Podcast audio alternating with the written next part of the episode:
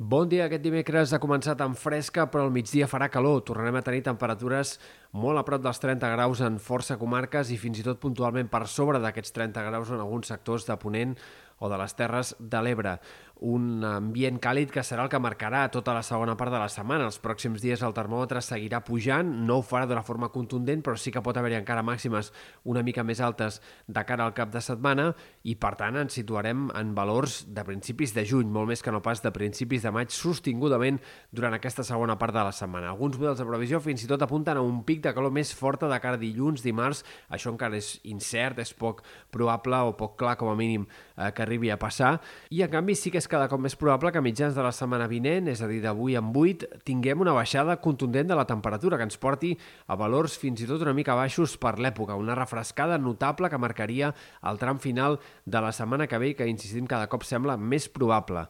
Pel que fa a l'estat del cel, avui predomini del sol, algunes bandes de núvols prims, poca cosa a destacar. De cara a demà i divendres tampoc n'hi haurà gaires canvis, potser alguns núvols prims més. Entrarà vent de garbí, això sí, en sectors del sud de la Costa Brava, Vall de l'Ebre es deixarà sentir amb certes ganes al migdia i al llarg de la tarda, però sense ratxes tampoc especialment significatives, cops de 30, 40 fins a 50 km per hora en tot cas puntualment.